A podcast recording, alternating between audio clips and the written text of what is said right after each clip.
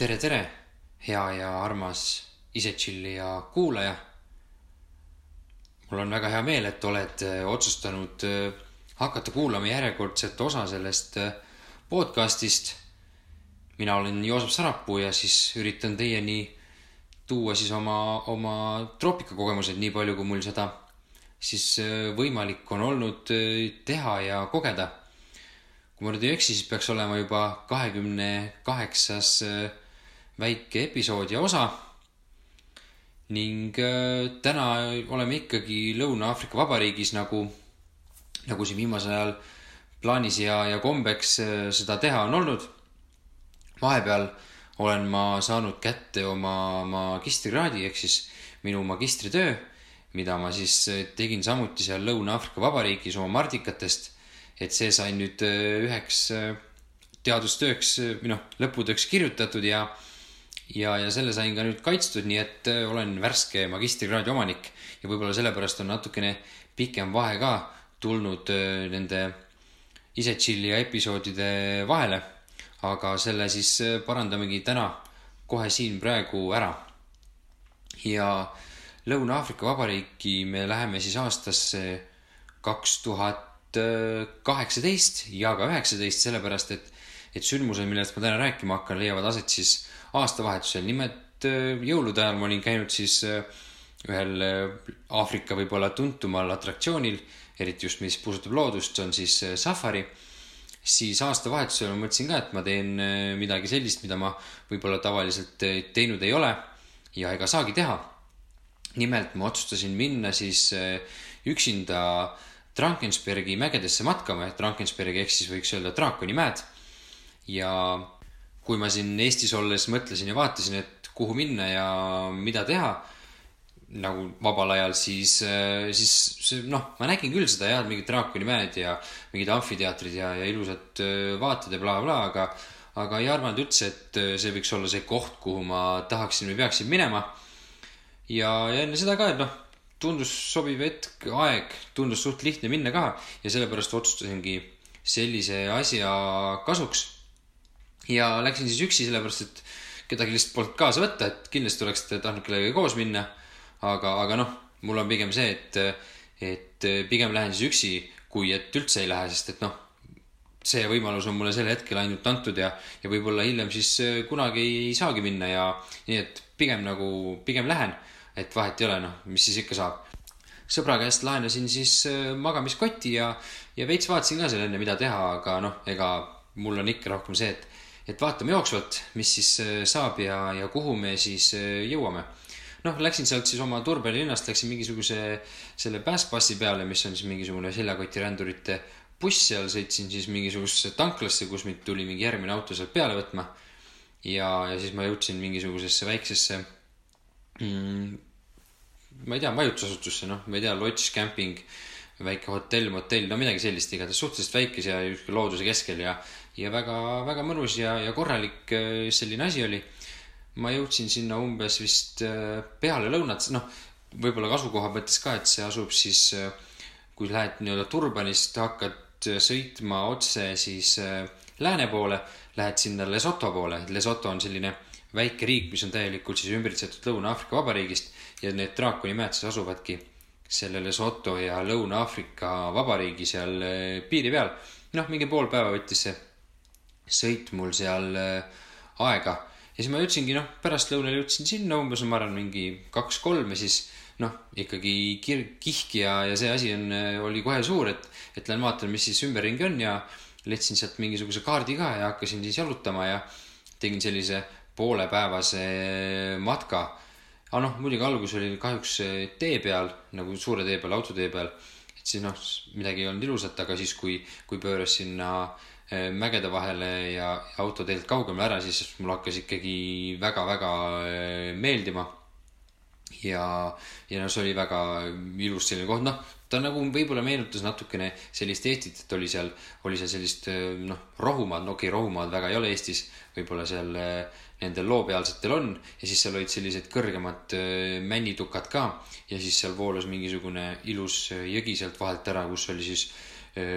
jõe koha peal oli siis, kui ütleme, ma arvan, mingi kahekümne meetrine kosk tuli alla ja, ja no väga selge ja kristallne vesi hästi, hästi karge. ja no inimesi ei olnud seal täiesti üldse, et sai seal rahulikult ujumas käia. ja, ja täiesti nagu kuskil kaugel eemal olla ja vaadata seda looduse meistriteost no muidugi ma siis käisin ujumas ära ja läksin veel pärast sinna edasi natuke sellel matkarajal ja seal pidi veel mingisugune väike bassein olema või mingisugune koht ja, ja see oli ka selline väga ilus kuskil kivide vahel selline, et kui need mägijõed sealt tulevad, mis on siis ülipuhtad ja, ja seda vett võib seal rahulikult juua, siis need äh, kivide vahel seal tekivad ka sellised nagu suuremat äh, sorti basseinid ja, ja see oli selline suur, suur bassein, et isegi sai seal rahulikult äh, peakat hüpata, et oli sügav ja, aga noh, muidugi põhja nägid ilusti, ilusti läbi, et see, see külma vee äh, mõnu nagu on, et, äh,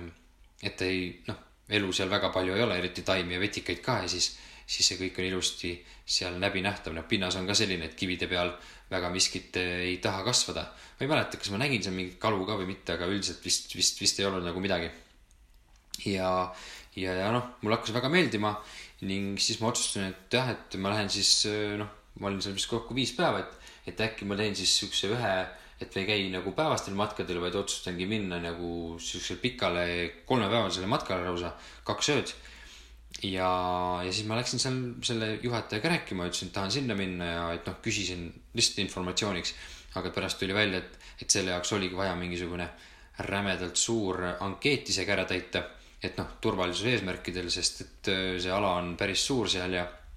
ja kunagi ei tea, mis ette võib tulla, et võivad tulla mingid äiksevihmad, tormid või lihtsalt eksid ära.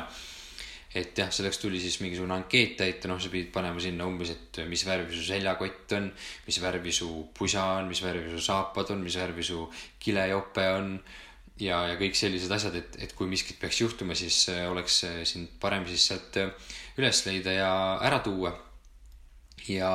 kuna mul telke ei olnud ja ma ei viitsi seda vedada ka, siis äh, kuskilt oli vaja siis äh, nii-öelda vihmavarju, et, et ööseks äh, noh, mingisuguse varju alla saada, et, et märjaks ei saaks, sest et nagu ma kuulsin, seal siis vihma ikkagi, ikkagi sajab päris, päris ohtralt ja palju. ja aga selleks oli siis loodus mulle teinud äh, vägevad pelgupaigad, noh, mitte ainult mulle, vaid kõigile teistele ka. nimelt siis äh, selle matkarada läks täpselt niimoodi läbi, et enam-vähem siukse päeva, päevase distantsi kaugusel, no ma veits valisin ka, et päevase distantsi kaugusel olid siis äh, koopad, kus siis inimesed said äh, ööbida niimoodi, et siis vihm peale ei saja ja ma ei olnudki ilmselt varem kunagi siis koopas ööbinud. aga noh, koobastega oli ka sihuke imelik värk, et, et need koopad tuli nagu endale broneerida, et ei olnud nagu nii, et et noh, ma ei tea, kui sa lähed Eestis näiteks RMK platsile lõket tegema, siis sa nagu, sa ei pea ju seda broneerima, et see on nagu kõigile vaba ja kõik võivad sinna minna ja, ja kui inimesed on ees, siis äh, lähed edasi või järgmisse kohta või, või siis äh, üritad nendega koos hakkama saada, aga seal oli umbes niimoodi, et kui ma üksinda läksin, siis ma pidin nagu terve koopa endale ära broneerima et, et nagu oleks mingi privaatsuse värk. mina igatahes ei teadnud, noh, igatahes kõigepealt ta helistas sinna, küsis, et, et kas äh, need koopad on selle peale vabad, noh, olid muidugi vabad õnneks. ja siis ma ise ütlesin ka, et kuule, et aga kui nagu keegi veel tahab tulla, siis nagu ma ei ole üldse selle vastu, et, et kui, et see ei pea nagu ainult minul olema, see broneerimine. et äh, tulgu teised ka, kes tahavad ja, ja, ja saame siis seal rahulikult äh, chill ida no ütlen ette ära, et kedagi teist muidugi ei tulnud, et, et üldse nägin sellel teekonnal ainult äh, kahte inimest kuskil üle, üle oru teispool äh, mäeharjal, kes siis olid telgiga ööbinud ja need olid ainukesed äh, kaks inimest, keda ma siis vist teise päeva lõunal korra, korra vilksamisi nägin, muidu olin ikkagi täiesti looduse meelevallas ja, ja üksi seal mägede vahel. ja mulle see muidugi meeldis. vot ja noh, see matkarada oli ikkagi väga-väga ilus noh, üliilus isegi võiks öelda, et, et need lõputud vaated, mis sa said seal olla lihtsalt ja vaadata näiteks mingisuguse mäeharja poole või, nagu mäe tipu poole, kus sealt ülevalt alla tuleb siis selline karge oja ja mägi-jõgi.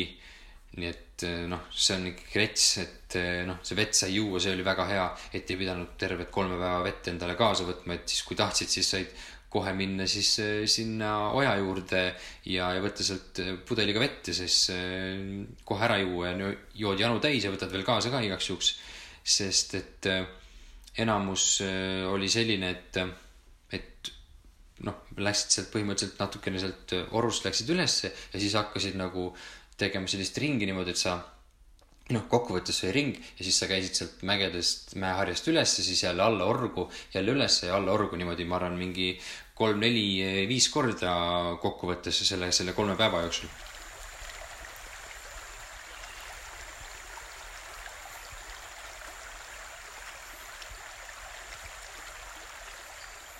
enamasti oli selline umbes, ma ei tea, kolmekümne sentimeetri kõrge rohi, et niimoodi alla põlve ja ka samas, kui seal vahepeal seal kaljuservade peal või noh, mitte kaljuservade, vaid, vaid, vaid äh, nagu mäeharja peal kõndisid või seal, mitte mäeharja, vaid mäe külje peal siis, äh, siis oli ka nagu palju sellist kiviklibu ja, ja vahepeal seal rohu sees ei olnudki võib-olla seda raha ra,, rada siis nagu väga hästi näha, et, et mõnikord vahepeal tundus, et, et ei tea, kas sa oled ikka õigel kohal. Ja siis sa pidid vaatama, et kus on võib-olla natukene see rohukate natukene ära vajunud või, või mingisugune tume rada seal läheb. Ja siis proovisid siis leida, ega, ega, ega jah, niimoodi jah, põhimõtteliselt käisidki ainult äh, äh kaardiga ega sul mingisugust äh, navigatsiooniseadet mul sel hetkel äh, kaasas ei olnud. lisaks nendele mägedele ja orgudele ja, ja jõgedele siis äh, oli natukene ka loomi, et vahepeal kaugelt nägin siis paavenide karju, et paavenid on siis ühed primaadid-ahvid, et ilma samad ahvid, kus on siis umbes noh, selles karjas oli umbes mingisugune kolmkümmend kuni viiskümmend looma ja nii nad siis elavad seal nagu nii-öelda see elulaad on niimoodi, et, et ongi siuksed suuremad äh, karjad ja nad siis on siukse rännu, ränn, rändava eluviisiga äh, primaadid. Nad on pika koonuga ja natukene, nad meenutavad nagu sellist kurja, kurja ilmega, ilmega tüüpe. et võib-olla ei ole kõige mõnusam äh, vaadata ja noh, nad on ikkagi noh, nende hambad on ikkagi väga suured, kui nad seal haigutavad, võib-olla kuskil videotes oled näinud Nad on hallikat karva ja, ja, ja tagumik on neil eh, nimelt eh, paljas, et nemad väga hästi siis puudel hakkama ei saa. noh, saba neil ka ei ole, mis tasakaalu aitaks hoida, vaid nad ongi rohkem seal eh, maapinnal ja möllavad, söövad enamasti siis mingisuguseid taimi või väiksemaid selgrookseid, et noh, sellised segatoidulised. ja, ja kindlasti mulle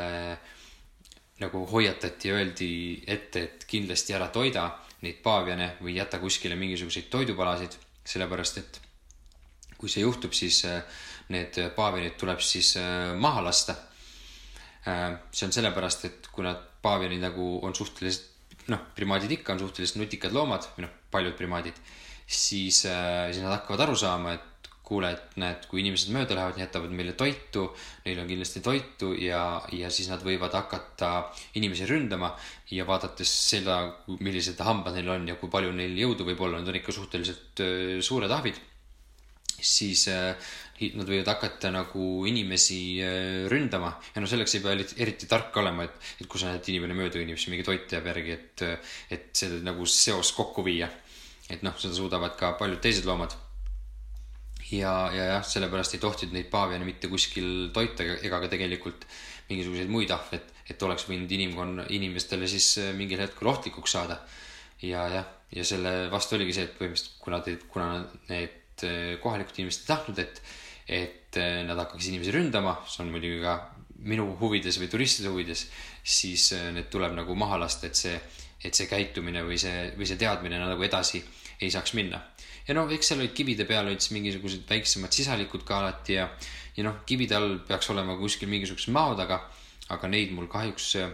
ei õnnestunud näha, et seal on noh, üks tuntumaid või mitte tuntumaid, vaid kõige tavalisemaid madusi on on selline buff adder ehk siis äh, sihuke pruu, äh, musta ja, ja kollaka mustriga rästik. ja seda mul õnnest-, ei õnnestunudki mitte kordagi näha siis Lõuna-Aafrika Vabariigis, aga, aga see selleks, mul oli ka muud teha ja ilusad vaated äh, olid täiesti see, mida ma tahtsingi sealt näha. noh, ma tahtsin ka modusid näha, aga, aga need ilusad vaated olid täiesti piisavad selle jaoks. ja noh, eks seal kuulsin mingisuguseid legende ka enne seal äh, selle nii-öelda rahvuspargi mingisuguste inimeste käest, et, et legendi järgi peaks seal olema ka siis leoparde elama, aga, aga keegi kunagi nagu näinud ei ole, et on ainult näinud mingisuguseid käpakraabitsusi kuskil, kuskil kaljude peal või, või koobastes, aga, aga nagu elusat isendit keegi näinud ei ole. ja ega noh, enamus ajast sillisin üksi seal ja sõin aga siis müslibatoone ja hommikuks sõin vist siis mingi, võtsin kaasa selle piima ja, ja, ja kausi ja valasin müslit piimaga ja sõin seda ja siis õhtuks, õhtuks mingisuguseid konserve ja niisuguse selline lihtne ja, ja kiire ja kiire toit, et ei viitsinud hakata seal mingisuguseid priimuseid asju Äh, laenama ega, ega kaasa vedama. vot vahepeal sai muidugi ka süüa selliseid põldmarju, mis, mis siis raja ääres äh, kasvasid ja noh, täiesti ideaalne noh, et vahepeal saab põldmarju süüa, vahe kui on, tahad vett juua, siis äh, võtad ojast vett ja, ja siis seal muidugi nendes nii-öelda ojades siis äh, tekkisid vahepeal mõned suuremad sellised lombid või loigud kividest, et kus olid sellised väiksed basseinid ja siis, siis vahepeal, kui liiga palavaks läks siis läksin, heitsin sinna väiksesse basseini ja lasin äh, väiksel äh, veejoal ennast äh, masseerida ja, ja keha maha jahutada, sest päeval ikkagi oli seal päike ikkagi lagi pähe ja kõrgel ja täiesti sinine taevas, noh, ma arvan, mingi kolmkümmend kraadi ikka, et, et päris palavaks läks, et kui tahtsid varju leida ja, ja puhata, siis läksid ikka kuskile kivi taha peitu, et päike enam peale ei paistnud. vaat sedasi,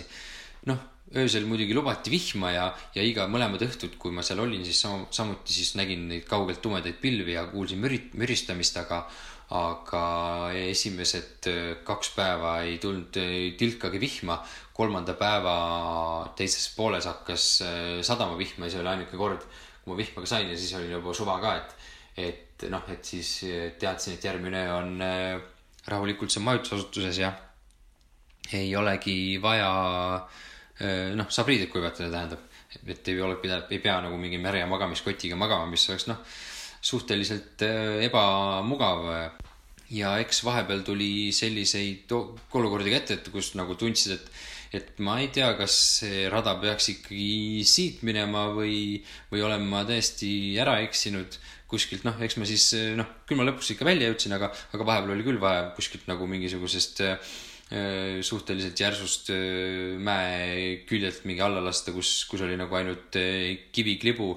ja, ja siis ronida kuskilt suvalisest kohast ülesse. arvata, arvatavasti, et seal on rada, sest noh, kivide peal sa ei saa väga aru, kus see rada läheb. noh, rohu sees sul on märgata mingisuguseid natuke võib-olla ära tallatud kohti ja, ja taimede erinevust seal, kus see rada läheb aga no seda, seda vägevamad olid need eh, üle mäeharja jõudmised, kus sa siis nägid seda, mis seal tegelikult seal teispool mäeharja on, et, et eh, see oli ikkagi päris, päris eh, rets vaatepilt. et noh, ma ei oska neid asju siin võib-olla nii hästi edasi kirjeldadagi, aga ütlen, et noh, ülitopp. et kindlasti vaadake pärast Instagramist või Facebookist järgi neid neid pilte ja milline see draakoni mägede loodus seal äh, välja näeb. et äh, kui keegi peaks sattuma kunagi Lõuna-Aafrika Vabariiki, siis ma ütlen, et äh, see on ka kindlasti koht, kus, kus mingisugune väiksemat sorti või siis ka pikemat sorti matk teha, et oleneb teie sellest soovist ja, ja füüsilisest astmest ka, et noh, ikkagi, ikkagi raske on ka vahepeal ikka seal mäest üles ja, ja alla kõndida. aga jah, noh, oleneb ka sellest seljakoti raskusest palju te viitsite asju äh, kaasa võtta. ja no matkaradu on seal ikkagi meeletult palju ja, ja saab teha ühepäevaseid, poolepäevaseid, noh, isegi võib-olla saab kokku panna mingisuguse nädalaajase äh, raja. et selline vägev värk äh,. ja noh, koopaid on ka seal, äh, mitte lisaks nendele kahele on seal küll ja veel, kus siis äh, magada. aga noh, nagu ma alguses ütlesin, et ma ei mõelnud sinna äh, draakoni mägedesse üldse minnagi, aga tegelikult praegu võin öelda, et see oli üks kõige lahedam ja ägedam asi ja kogemus minu Lõuna-Aafrika Vabariigis elamise jooksul eh, kindlalt. ja siis ma siis jõudsin seal tagasi ja kuivatasin asju ja õhtul olid sinna kogunenud veel inimesi ja siis me istusime lõkke ääres ja rääkisime öö, oma lugusid ja, ja, ja mõned nii-öelda sotsiaalmeedia sõbrad on mul siiani sealt öö, olemas ja alles ja, ja noh, siis on ka väga palju erinevaid öö, mõtteid ja, ja kohti, kuhu minna ja mida veel öö, külastada, noh, selline mõnus sotsiaalne öö, üritus ja noh, eks öö, eestlane ikkagi pakub ka paljudele inimestele huvi, et siuksest väiksest riigist, noh, kui nad teavad seda riiki,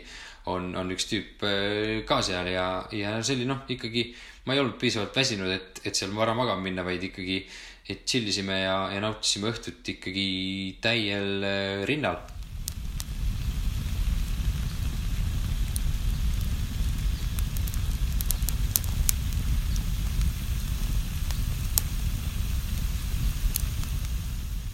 järgmine päev ma läksin äh, seekord siis giidiga retkele. tavaliselt ma üldiselt mingisugust giidi või mingit meest endaga kaasa ei võta. Äh, et noh, tavaliselt saab ise hakkama, aga kuna see oli selline koht, kus, äh, kui ma giidita lihtsalt ei saanud minna, aga see tundus piisavalt äge, et, et siis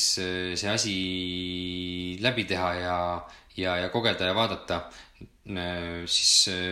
neid asju. nimelt siis äh, nendes draakoni mägedes on teada, et seal elasid sellised inimesed nagu on Bushmanid. Nad on põhimõtteliselt äh, kunagi väga ammu nendes mägedes elanud, rännanud äh, sellised kütid ja, ja korilased. Nad elasid seal umbes kümme tuhat aastat tagasi ja noh, tahaks loota või noh, ikkagi on hea ju ja tore mõelda, et, et võib-olla magasid ilmselt nendes samades koobastes, kus äh, minagi oma und nägin ja nad olid sellised seminomaadsed, ehk siis noh, rändasid ringi ühest kohast teise. Äh, vahepeal olid mõnes kohas pikemalt, pikemalt paigal. Aga siis jälle nagu leidsid mingisuguse uue koha, kui, kui ressursid seal siis äh, ammendusid. noh, tegelikult nende Bushmanide leviala on äh, väga lai, et nad noh, seal terves lõunapoolses Aafrikas, aga, aga, aga seal draakoni mägedes äh, neid on ka äh, teada, et nad elasid seal ja noh, nad öeldakse, et nad on ühed kõige vanemad inimesed üldse maakeral, et noh, nii internet eh, väidab ja kus võib-olla näeb kõige rohkem seda või, või saab aru, et nad seal kindlasti elasid või see on tõestus selleks, on eh, see, et nad on tuntud oma koopamaalingute järgi ja need on seal väga-väga hästi säilinud just seal nagu Draakoni mägedes ja selles piirkonnas, kus ma viibisin seal Lesotho piiri kõrval. Et äh, selles draakoni mägedes peaks olema siis üle saja erineva koha, kus neid äh, koopamaalinguid siis äh, näha võib ja, ja kokku on loetud, et peaks olema üle tuhande erineva objekti siis kuskile kaljuseintele maalitud. ja, ja sellepärast ma soovisin väga neid koopamaalinguid näha ja, ja, ja nende Bushmanide kohta siis õppida ja, ja teada, mis, mis, mis inimestega nagu tegu on. võib-olla siin püsikuulaja juba teab ja saab, on, on nagu aru saanud, et, et mulle selline võib-olla looduses hakkama saamine, elamine väga meeldib ja, ja kindlasti Bushmanid äh, oskasid seda väga hästi ja, ja äkki saab mõne nipi endaga kaasa võtta, et kus, kus mida teha või, või äh, mida süüa ja, ja kuidas, äh, kuidas ellu jääda vaat selline ja, ja siis, siis õnneks oli väga-väga tore giid ka, kes, kes nende elust äh, palju teadis nendes koopamaalingutes. ja, ja noh, et kõige noh, võin öelda, et kõige tähtsam loom oli siis selline hästi-hästi suur hirv, keda, kelle nimi on siis eland, et ma arvan, umbes isegi sellest meie, meie Eestis kohatud punahirvest natukene suurem äh, loom. noh, noh, ta on selline väga-väga suur antiloop ja, ja nendelt said need Bushmanid siis liha ja, ja nahka ja luid. ja, ja noh, tänu kõigele sellele luudele sai ehitada tööriistu ja nahkadega sai siis end, end soojas hoida ja liha muidugi alati nagu toiduks. ja neid siis Bushmanid küttisid neid siis vibu ja noolega, mis on ka päris äge viis minu arust. Ning eland on selline noh ta on jah see suur antiloop, ta on selline ha, nagu helehallikat värvi ja tal külgede peal jooksevad äh, suhteliselt hajusalt äh, noh, hajusalt ütleme, et mingi viis triipu sellist hele, helevalget äh,, ere, erevalget äh, triipu ja, ja sarved on sellised krussis ja, ja päris äh, kaugele välja ulatuvad. ja noh, nendel sai siis kõike vajalikku ja see oligi kõige äh, tähtsam loom ja sellepärast äh, on teda ka väga palju siis nendel koopamaalingutel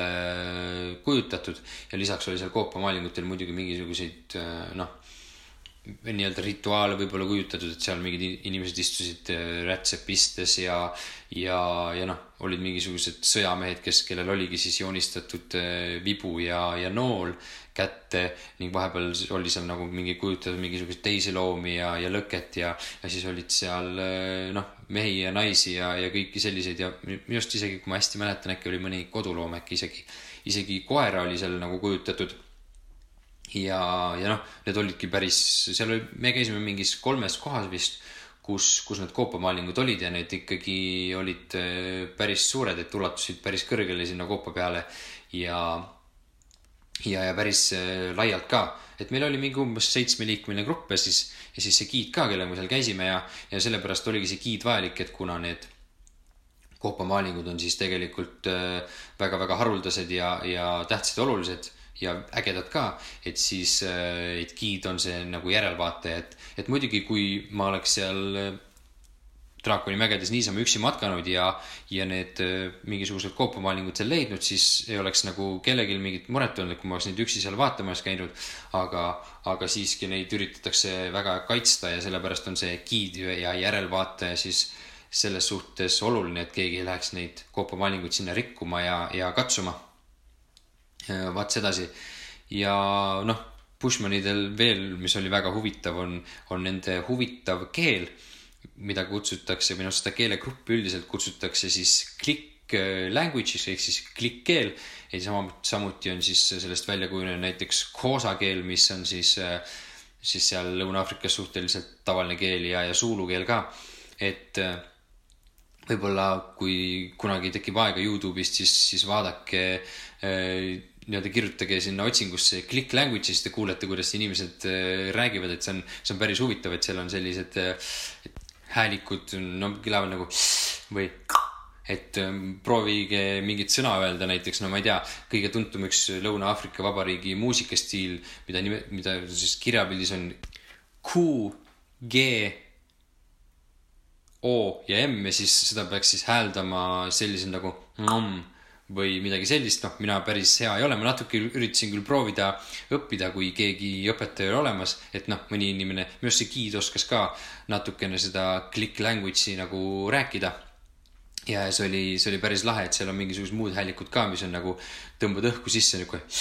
mingid nagu ja sa räägid nagu eesti keelt hästi-hästi kiiresti ja siis vahepeal nagu hingad ja, ja tekitad sellega mingisuguse uue hääliku hoopis. et väga-väga äh, äh, lahe ühesõnaga jah, mulle väga see äh, väike giidituur äh, meeldis ja sai väga palju asju teada, noh, ma kahjuks võib-olla nii palju ei mäleta, aga, aga miskit on, on siiski meeles. ja